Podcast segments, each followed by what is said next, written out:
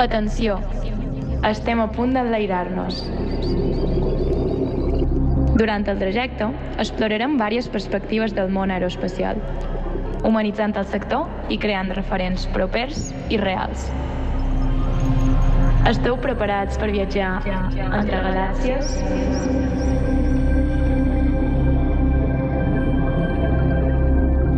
Des de Barcelona fins als planetes que orbiten fora del sistema solar, la Mariona Badenes Agustí ha aterrat al nostre podcast. Ella és estudiant de doctorat en Ciències Planetàries al Massachusetts Institute of Technology, als Estats Units. A part de ser una candidata doctoral, també dedica una bona part del seu temps a la divulgació sobre l'univers i el cosmos. A més a més, té molt d'explicar-nos sobre missions anàlogues marcianes i el paper de les dones en elles. Benvinguda, Mariona. Com estàs? Molt bé, gràcies Blanca per convidar-me, tu i, tot, i tot el teu equip. Gràcies, gràcies per venir.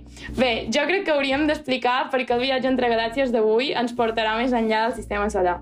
Tu actualment fas recerca sobre exoplanetes i volia demanar-te que podries explicar-nos una mica sobre aquest tema i sobre la teva recerca.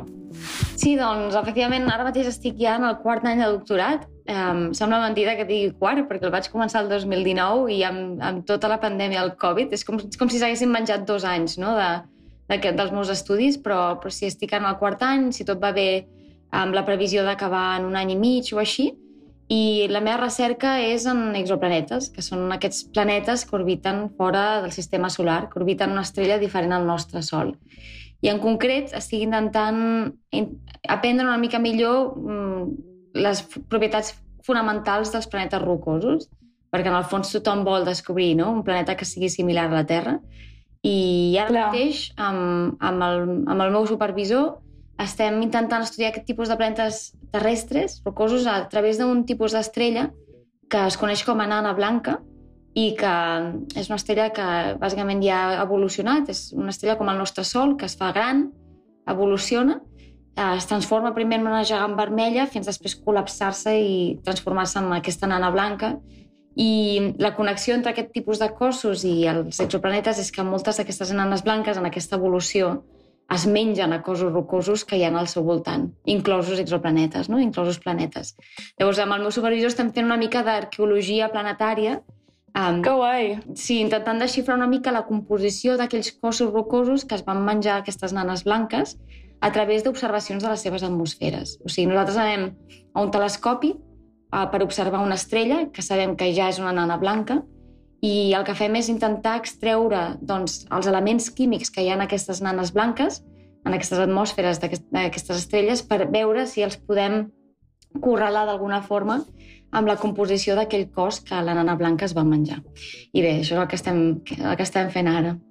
I aquesta observació, és a dir, eh, això que has dit d'extreure els elements químics, ho feis tot a partir de l'observació amb el telescopi? Sí, és una combinació d'observacions eh, de telescopis, eh, tant a baixa resolució com a alta resolució, sobretot a, a, a alta resolució és on extraiem més, més coses, no? perquè Allà tenim un detall molt clar de com, com està feta l'atmosfera a nivell d'elements químics, tot el teixit de l'atmosfera, i ah, que xulo. tenim aquestes dades, anem a l'ordinador, intentem aplicar models atmosfèrics de nanes blanques, i llavors, amb aquests models, extraiem la composició atmosfèrica mm, d'aquests cossos, i d'allà llavors utilitzem diferents models físics per, per intentar veure com aquests, aquests elements químics que nosaltres trobem a l'atmosfera de, les, de les nanes blanques es correlaciona amb la composició d'aquells cossos rocosos, inclosos exoplanetes, que la nana blanca es va menjar en, en la seva evolució.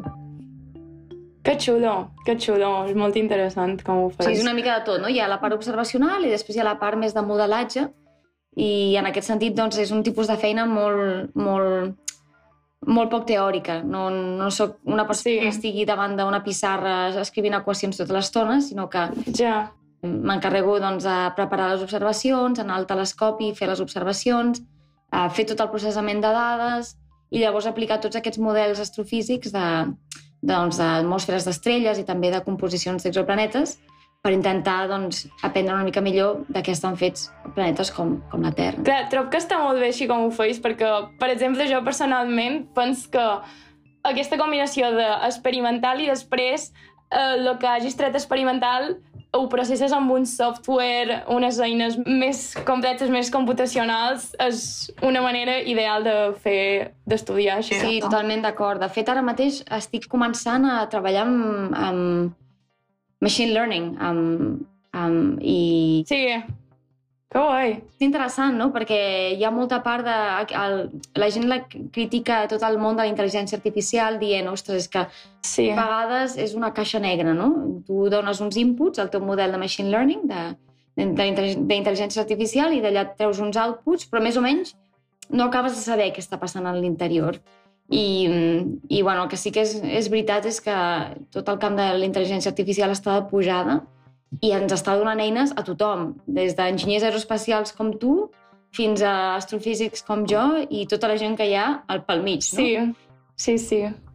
que deies de que són eines experimentals, al final són eines que s'apliquen una mica al dia a dia i en qualsevol sector. Llavors, està bé perquè, bueno, jo crec que molta gent... La societat acostuma a veure astrofísics com a gent, no?, rates de laboratori, sense cap tipus de perspectiva a nivell industrial, de, bueno, de, que realment no podem contribuir no? en el món laboral, en el món empresarial, però al final l'astrofísica que, jo, que jo faig és pura anàlisi de dades, o sigui, és intentar Ja. gestionar moltíssimes dades a la vegada, a vegades milions de dades. Ara mateix, per exemple, estic treballant en una base de dades que té 11.000 dades. Eh, per- Perdó, 11 milions de dades, o sigui, és, és, una borrada. Va, és, és molt. Sí. Ah, llavors, eh, tu aplica machine learning, no?, a, a, a una... sí. I, I bé, estic començant eh, amb aquest camp, però, però que realment és una, és una eina que, que ens apropa a tots a, al sector més privat i més, de, més industrial. Sí. A mi mateixa, com a enginyera aeroespacial, moltes vegades a entrevistes de treball o coses així m'han dit tipus a tu què t'agrada més, programar, fer simulacions? I jo sempre dic, m'agrada utilitzar-ho com a una eina més per poder arribar més enllà i poder fer més coses amb, amb o el que estic estudiant o on vull arribar. Així que... Uh, jo crec que avui en dia, en camps tecnològics, hi ha pocs, poques disciplines que no comptin en programació com a una eina puntal, no? I bé, en, en el tipus d'astrofísica que faig jo no arribaríem enlloc sense programar. I sí, perquè si ho penses, mm, nosaltres no podem viatjar a una estrella mm, amb la tecnologia Ja. actual, no podem viatjar a un exoplaneta. I llavors necessitem eines molt, molt, molt potents per fer aquest viatge des del nostre ordinador, no? Que guai. Bueno, ara faré una pregunta friki que estic intentant fer sempre, que és quin és el teu exoplaneta preferit?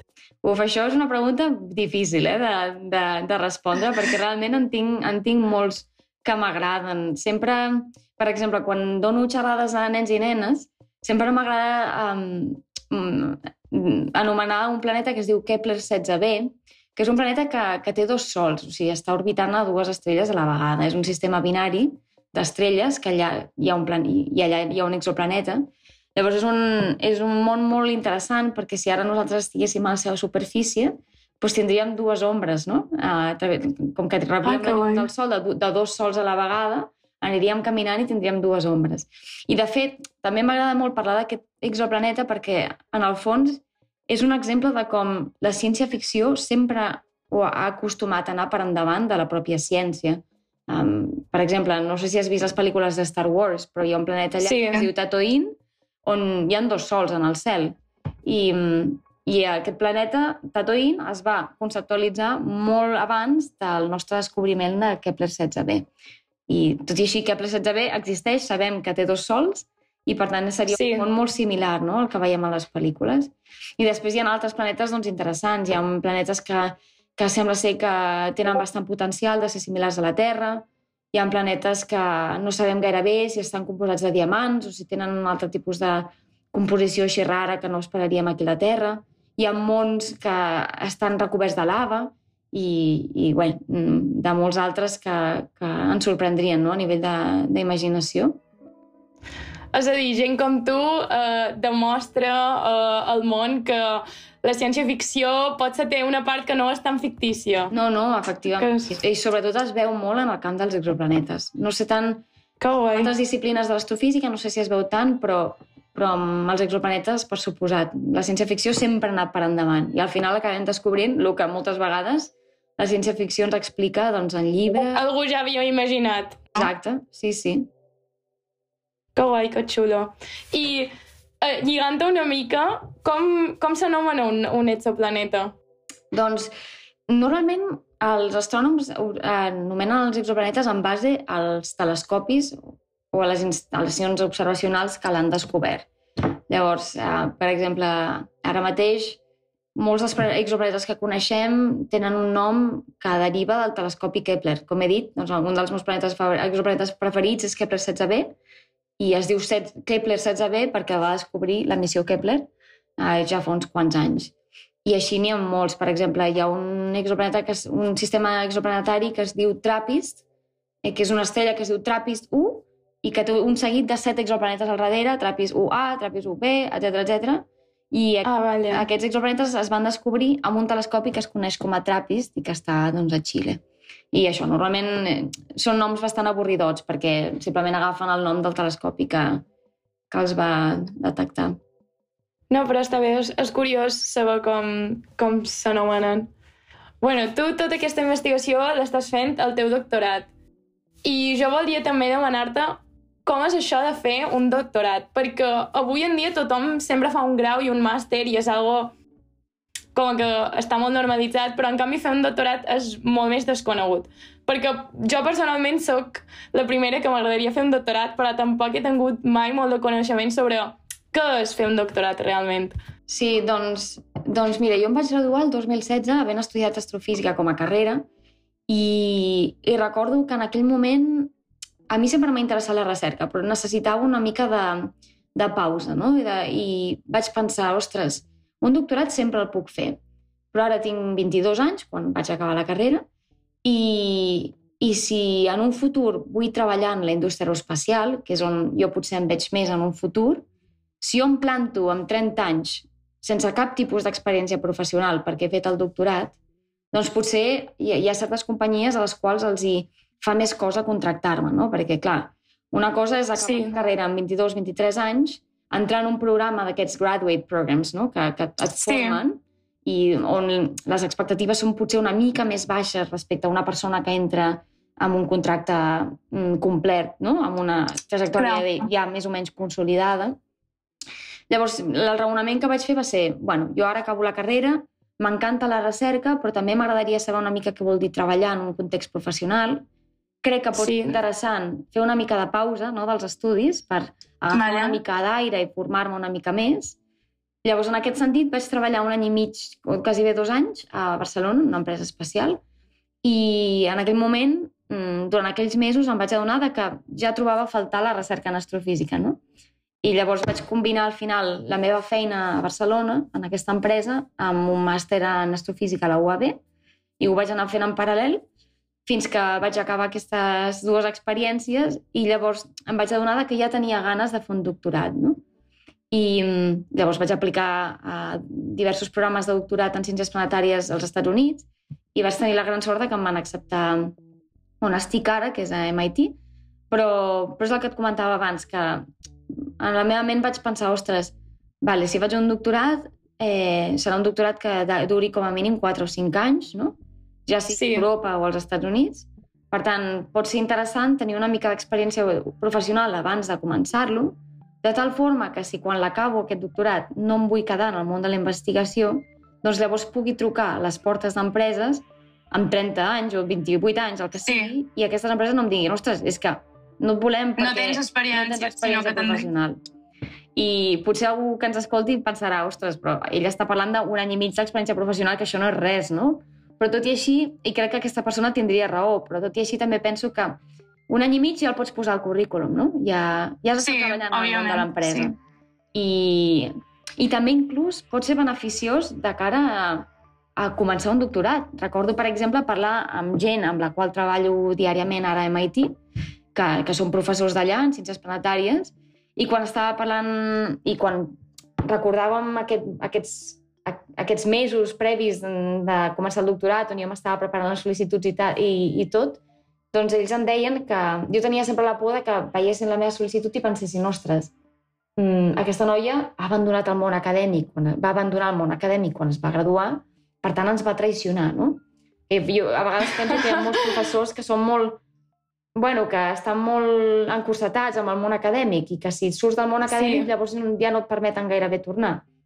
Però va Sí. ser una reacció contrària la, la que em vaig trobar, perquè em van dir no, no, de fet és que ens encanta quan la gent aplica doctorats havent treballat una, una temporada, perquè llavors ja no venen amb la mentalitat unicorni, no? De, quan tu has estat treballant en una empresa has hagut de a entregar documents amb, no? amb certs deadlines, Um, amb certes clar. dates d'entrega, um, has estat sota pressió, saps una mica de què va, tractar amb clients, etc etc. Mentre que la gent que està en el món acadèmic tota l'estona potser no té aquesta perspectiva més, més de, no? de, més realista de quan acabar les coses, com fer les coses, com, com gestionar el temps, etc etc. Llavors, des del punt de vista dels meus supervisors inclús, em deien, no, no, és benefici... està molt bé que hagis treballat una mica perquè, perquè així no? tindràs una, una perspectiva del temps i de la feina doncs, potser una mica més, més completa que els teus companys que només han fet treball acadèmic 100%.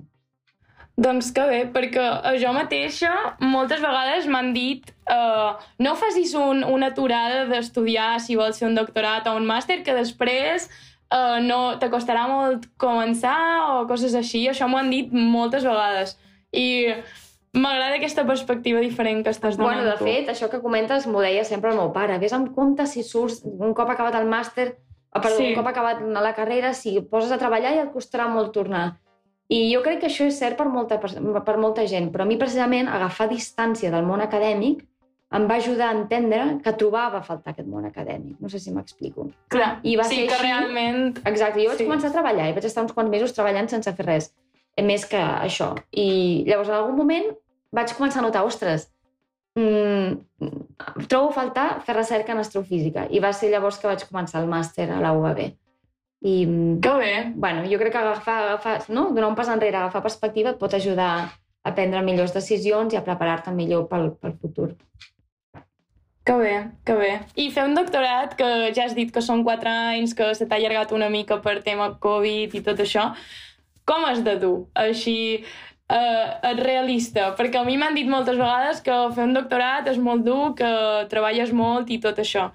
Bueno, en realitat, a Europa acostumen a ser 4 anys, però als Estats Units són com a mínim 5-6. Llavors, de moment, Vale. vaig bé de, de graduar, per graduar-me. El, crec Ah, que el meu vale, visat perfecte. expira el 2024. O sigui que si tot va bé tinc un any i mig per endavant. Però, però sí, és, eh, un doctorat no és, no és fàcil. Jo, jo, sobretot ara que, que estic ja com intentant m'apropar a la recta final. Eh, a vegades hi Clar. ha molts moments de dir, ostres, realment he fet suficient, eh, he fet suficient com per haver contribuït al meu camp i que això es consideri una feina de doctorat. Llavors, um, sí que hi ha dies d'incertesa de, de dir, ostres, això no sé si tirarà, si tirarà endavant, si ho farem bé, si té sentit, si contribuirà d'alguna forma amb el que fan altres astrònoms. I, I després hi ha altres dies que et lleves i tot va bé. I el codi et funciona, mm, escrius un abstract superràpid, te'n vas a una conferència i, Sí. i tu passes bomba. Llavors, bueno, mm, és un equilibri, no? És com portar diverses pilotes a la mà i anar-les movent i intentar que ningú no es caigui. Però hi ha moments, hi ha dies en què es cauen, llavors t'has de, les, les, has d'agafar i tornar-les a enlairar, no? No hi ha més.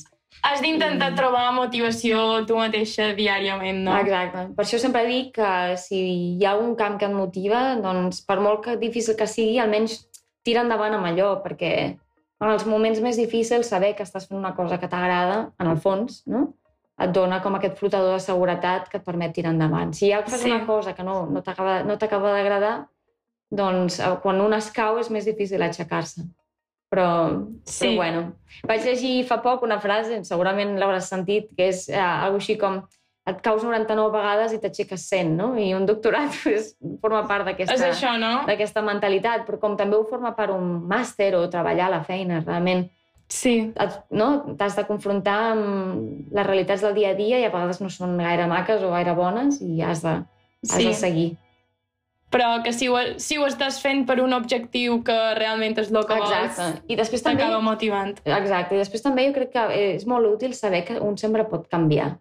O sigui, Sí, des del més, la decisió més extrema, que és abandonar un doctorat perquè, mira, no t'agrada i no, no, no és feliç fent la feina que fas i creus que doncs, hi ha altres sortides professionals que, que t'ompliran més fins a, fins a um, estar en un camp que t'encanta i dir, bueno, és que no m'agraden els exoplanetes, prefereixo fer cosmologia. Llavors fer un canvi sí. no? de 180 graus i, i començar en una disciplina diferent. Jo crec que sempre hi ha temps per fer aquests canvis. O també no només canviar, sinó combinar diverses coses que puguin ser diferents i que a tu t'omplin com a persona. Exacte. Uh, sí. I jo crec que venint de, del sistema educatiu espanyol, no? on hem d'escollir molt ràpid si ciències, si sí. lletres, això també ens talla una mica la llibertat i en, en, a mesura que anem creixent i vivint aventures, doncs pensem, ostres, és que he de decidir ja què vull fer i no puc canviar, no? No puc anar enrere, sí. no puc... Però, però pots anar enrere i canviar i... Exacte. Sí, això és, és, és, és algo que em demostra més que no està malament decidir una cosa i després canviar d'opinió o equivocar-se o donar-te que no t'agrada el que estàs estudiant o el que estàs treballant. Exacte, sí. Així que... Sí, bueno, i parlant de motivació, tu mateixa intentes motivar a molta gent perquè dediques gran part del teu temps lliure a xerrades divulgatives. I, bueno, jo crec que la divulgació té una banda tècnica, però també molt social. Uh, quina perspectiva tens tu de la divulgació al nostre sector? Doncs, en el meu cas, eh, bueno, a mi m'encanta fer xerrades sobre el, el que m'agrada. Que sigui una bona divulgadora o no, ja, ja és una altra cosa, però faig el que puc i, i realment m'agrada molt... Sí. Gràcies. Realment m'agrada molt parlar amb els nens i nenes peques, els que estan a primària o no? Mm, els que tot just comencen um, sisè, cinquè, quart, inclús abans, perquè et fan unes preguntes que, que a vegades són, com diríem en anglès, mind-blowing, no? No saps, ni, no saps ni per on agafar-les sí. en el registre que, que et demanen. O sigui, recordo, sempre poso l'exemple d'una nena, una nena que em va preguntar per què no es cauen les estrelles. Clar, com ho expliques això sense invocar les lleis de Newton, sense invocar la relativitat? Clar. Um, no? Un llenguatge planer. O Um, sí, que si hi ha altres universos o, o si l'espai fa olor, coses d'aquestes uh, són molt interessants i crec que els adults tenim més dificultat en preguntar-ho, no? Perquè ens fa com més vergonya sí. que ens vegin com tontos o com, com que no tenim ni idea del que, del que ens envolta. Però, però bé, una de les raons per les quals m'encanta fer divulgació és precisament per aquestes preguntes que dius, ostres, espera, necessito un, 5 microsegons per, no? per, per pensar en una resposta i, per... i després baixar la resposta al nivell, o pujar la resposta al nivell que, que sigui, no?, de la, de la teva audiència. I, mm, Clar. I després també hi ha un, una, un component personal, que és que jo he tingut la gran sort de rebre mentoria de molta gent i de rebre el suport i l'ajuda de molta gent i sense aquestes persones no, no hagués arribat a l'MIT, no hagués pogut estudiar fora, les experiències que he tingut Llavors, per mi, divulgar és una mica un, un, fer un retorn a la societat, fer un... Eh, bueno, intentar, doncs, contribuir, no?, posant el meu granet de sorra, amb, Clar. amb intentar, doncs, aixecar noves vocacions científiques, que, que això sempre és important. Que bé. Sobretot entre sí. les nenes i les noies. Sí, ara, de fet, et volia també preguntar per això, que és que um, tu mateixa així estàs mostrant un impacte i representació de dones al sector aeroespacial, perquè pot ser totes aquestes nenes que quan són petites ens crida una mica d'atenció aquest món, però no tenim cap referent que, diguem, aquesta persona és propera a mi i està fent aquestes coses tan xudes, simplement pot ser només tenim referents homes i pot ser tots són de fa 20 anys que van anar amb un coet a algun lloc o alguna cosa sí. així. sí, sí. Bueno, eh, eh, des de... Bueno, a poc a poc, no? I ojalà que, que per a algunes nenes, noies, pugui, doncs, ser referent d'alguna forma o una altra i això les inspiri, doncs, sobretot a seguir els seus interessos, siguin ciències, siguin art, siguin el que siguin, i si a sí. més està relacionat amb l'espai, doncs feliç. I jo sempre dic que amb la gent amb la qual, amb la qual et trobes pel camí mai saps, és a dir, mm, jo he pogut donar una xerrada a nenes de 6 anys i d'aquí 20 anys, jo sé, si encara estic en aquest sector, potser um, tinc el luxe de treballar amb elles, no? I, i que mai se sap. Vull sí. dir que... I això també em porta a un altre punt, que és que, en el fons, entre les noies, entre les dones, sempre es pot establir una relació de mentora i, i, i mentorada molt maca. O sigui, jo Sí. t'acabo de conèixer, però, però segur que amb tot el que has fet podria ser la meva mentora i no sé quina diferència ens, ens portem, no? però que al final, mentre que hi hagi una relació de, no? de respecte i d'admiració, sempre una sempre es pot emmirallar Sí. amb una altra persona, independentment de, de l'edat i, i viceversa. I Llavors, això és, això és molt bonic. I que sempre pots aprendre coses de- d'una altra persona i més si està al teu sector o no, o si està relacionat de certa manera. Jo crec que sempre pots aprendre coses i trobar inspiració i motivació Exacte, uh, en altra gent. exacte. sí. sí. Um, bueno, lligant amb això també, tu també participes en alt, un altre tipus de projectes d'impacte que és que vas ser cocomandant de la tripulació internacional LATAM 3 a l'estació anàloga marciana de Mars Research Research Station. I vaig ser la primera persona catalana a fer-ho. I d'aquí uns mesos tornaràs a aquesta est- estació amb una nova missió, que és Hypatia 1. Uh, M'agradaria molt que expliquessis una mica sobre aquesta missió, perquè tinc molta curiositat per aquest nou projecte que sou tot dones a la tripulació i a més sou totes catalanes, no? Sí, eh, a mi, el, per una mica... bueno, aquest, com a context, aquesta missió es diu Hipàtia 1, 1 perquè esperem que hi hagi Hipàties 2, 3, 4 i, Que i que hi portin moltes dones a, a aquesta estació anàloga marciana que es coneix com a Mars Desert Research Station i que serveix una mica perquè tripulacions d'arreu del món en períodes de dues o tres setmanes doncs, simulin com seria vi, eh, un viatge a Mart um, i com seria doncs, treballar i viure des de, la, des de la superfície del planeta vermell. I, i com tu comentaves, doncs, entre el 16 i el 29 d'abril del 2023, d'aquí uns mesos, uh, Hipàtia 1 viatjarà a aquesta estació. Um, som, uh, com a part d'aquesta tripulació hi, hi aniran set dones. També tenim dues dones més, dues noies que, que formen part de l'equip de backup. Um, són noies que en el cas de que algun membre de la tripulació principal no hi pogués anar, doncs llavors elles eh, passarien a formar part de la tripulació principal i, de fet, durant tots aquests mesos, doncs, en aquest sentit, s'han estat formant no? i ens han est- estat acompanyant amb nosaltres amb tota la preparació de la missió. I mm, és una tripulació que, que a mi em fa molta il·lusió perquè bueno, jo quan vaig anar a aquesta estació el 2019 vaig fer tota la meva recerca i tenia les meves res- responsabilitats com a l'astrònoma del grup i la cocomandant, però em vaig fer la promesa personal d'un dia intentar portar una tripulació de casa nostra, una tripulació mediterrània. Dic mediterrània perquè tampoc vull que la gent ens associï a termes, saps? A, a, que no, Hipàtia Sí. no, és una, no és una tripulació política. Llavors dic mediterrània, com dic, mm, europea, però sí que és veritat que ara Hipàtia 1 és una tripulació de dones catalanes i, i bé, això segur que es reconfigurarà en els, en els pròxims mesos i anys si hi ha més Hipàties, que esperem que sí. Però mm, Que bé. El que et comentava és, és, és una tripulació catalana de nou dones, dos dels quals són backups, set principals, i és, és una tripulació que em fa molta il·lusió perquè eh, tenim moltes edats diferents, perquè tenim molts perfils diferents i, i perquè tenim a dones que treballen doncs, des del sector públic fins al privat i in between, no? una mica pel mig. Llavors, um, una mica és una tripulació que hem creat amb, amb la meva companya, la Carla Conejo, que, que en el seu moment era responsable dels programes de, de científics de la Fundació Catalu Catalunya la Pedrera, i mm, amb ella, doncs, mm, quan estàvem, estàvem configurant la tripulació, vam tenir molt clar que buscàvem perfils molt diferents, interdisciplinars, multi, multidisciplin multigeneracionals, perquè entenem l'exploració de l'espai com a tal. Entenem que si volem anar a Mart eh, necessitarem enginyers aeronàutiques com tu, astrofísics com jo, però també a, a metgesses i a filòsofes i a Sí. sociòlogues i, i bueno, a totes les disciplines possibles per poder doncs, fer el primer assentament allà. Clar. I després també el tema de les edats, molt important per mi, per, per allò que et deia, no? de que un sempre és mentora i mentorada. I Sí. jo, eh, per exemple, eh, una de les noies de la nostra tripulació, la, la noia més jove, de fet, és l'Helena, l'Helena Àries, i ella està fent doble grau en enginyeria mecànica i electrònica i no sé què més.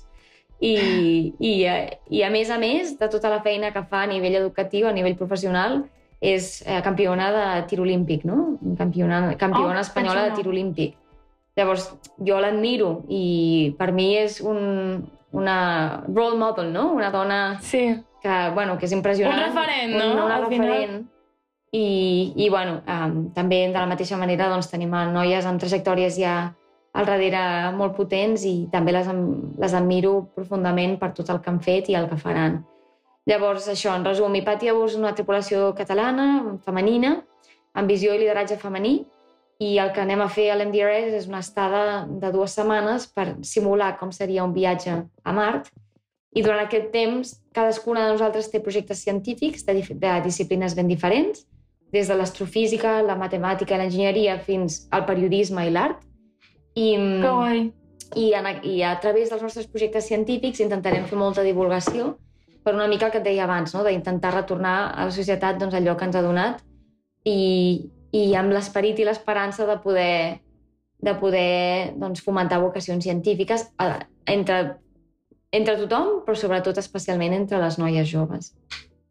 Clar, sí, també volia preguntar-te sobre això, de que Hipàtia no té només uns objectius científics, sinó també pretén crear un impacte social. Exacte. I supos que ho voleu fer així amb, mitjançant la divulgació. Sí, i en aquest sentit, doncs, Hipàtia ja s'ha constituït com a fundació, com una associació, perdó, o sigui, tenim caràcter legal d'associació i això ens permet treballar amb moltes institucions público-privades i amb les quals hem fet doncs, projectes de divulgació i tenim plans de fer molts altres mm, actes en els pròxims mesos, premissió, postmissió i durant la missió. I sí, en, en el fons, Hipàtia va fer recerca relacionada amb l'exploració de Mart i l'exploració espacial en general, però té aquesta té aquesta vessant social important que és que per totes nosaltres és, és fonamental doncs, visibilitzar el que fem i, i, sí. i sobretot visibilitzar aquestes dones que formen part d'Hipati que són impressionants, són referents per mi i jo crec que per molta gent, però que malgrat estar en la nostra societat no estan visibilitzades. Sí. I, i el que tu deies, no? Ara les noies que, estem, que, estem, que hem estudiat camps científics, enginyeria aeronàutica, astrofísica, tenim molts referents, però solen ser homes, i solen ser sí. homes blancs, solen ser homes de, mm, que, que potser no pertanyen a la nostra generació. Llavors, a Mipàtia volem apropar aquests referents, compartir-los amb, amb dones de cans i ossos, no? referents quotidians, sí. reals, i, i després també llançar un missatge molt clar a tothom, que és que tu pots ser una referent de moltíssimes noies, jo ho puc ser, i dones que com, just comencen la seva trajectòria professional també, dones que ja tenen un, una trajectòria sí. professional formada, doncs també. I... I mostrar aquesta multidisciplina jo crec que pot inspirar això, no només a noves generacions, sinó també a gent que pot ser ja està al sector i veure a una persona que està fent aquesta missió i que pot ser no està directament dins del sector aeroespacial o alguna cosa així. Exacte pot crear un impacte molt fort i bueno, està també, molt bé. També anem un, una mica al que discutíem abans, de que en, quan estem en el nostre sistema no, de primària, perdó, de secundària, t'obliguen a decidir entre ciències socials, humanitats... Molt ràpid, sí. Molt ràpid, i llavors perds una mica el, el... Tens la sensació de que si fas, per exemple, filosofia, mai podràs no, connectar aquest camp amb l'expressió espacial mm, sí. des del més, més purament científica. Però això ja. no és cert. O sigui, no, no és cert. connexions i, i, bueno, tu si estàs a Anglaterra sabràs que hi ha molts projectes en aquí que intenten barrejar moltes disciplines diferents sí. i Pati una mica ve a, ve a no? vol visibilitzar això a la nostra societat, que realment no importa d'on vinguis, de quin camp estiguis, si és ciència, si és humanitats, etc, si és art, en el fons tot està relacionat i tot es pot relacionar amb l'exploració de l'espai. Que xulo, que bé. M'agrada molt aquest missatge que enviareu amb Hipàtia. Bueno, esperem que, uh, si ens escolta molta gent, que ens puguin donar suport perquè hi hagi més Hipàties i, i puguin anar doncs, dones com tu i, i tota la gent que teniu a, a Women in Aerospace Barcelona perquè sou referents i, i, i això, perquè necessitem més dones referents contemporànies. Al final és el més important. Sí. Sí, al final això també és una mica uh, l'objectiu d'aquest podcast. Clar. Crear referents propers i reals. Sí. sí. Doncs res, es, es, esperem poder llançar algun missatge en el futur que digui on obrim convocatòria per la pròxima Hipàtia 2 i, i esperem també que tinguem moltes sol·licituds perquè necessitem a totes les dones possibles en aquesta aventura. Sí, segur que sí. bueno, per acabar, volia preguntar-te a veure com, com poden contactar amb tu o com seguir tots els teus projectes o potser com seguir el projecte d'Hipàtia.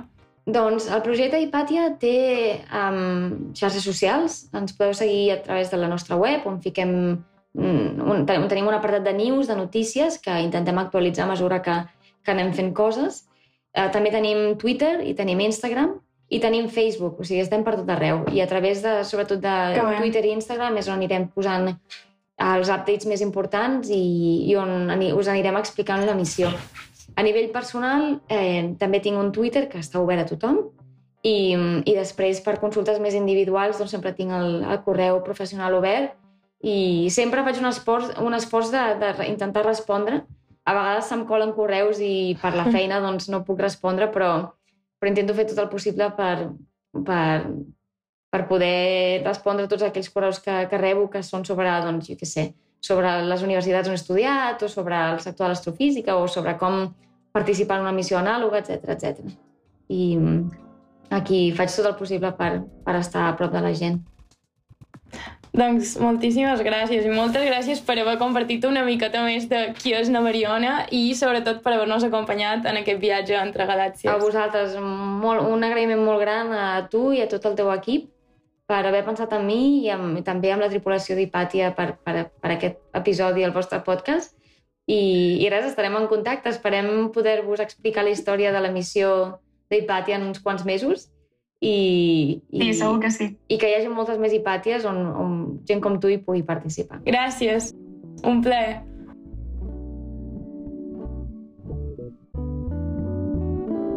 Podeu seguir tots els nostres projectes a l'Instagram de Women in Aerospace barra baixa BCN i al Facebook de Women in Aerospace Barcelona.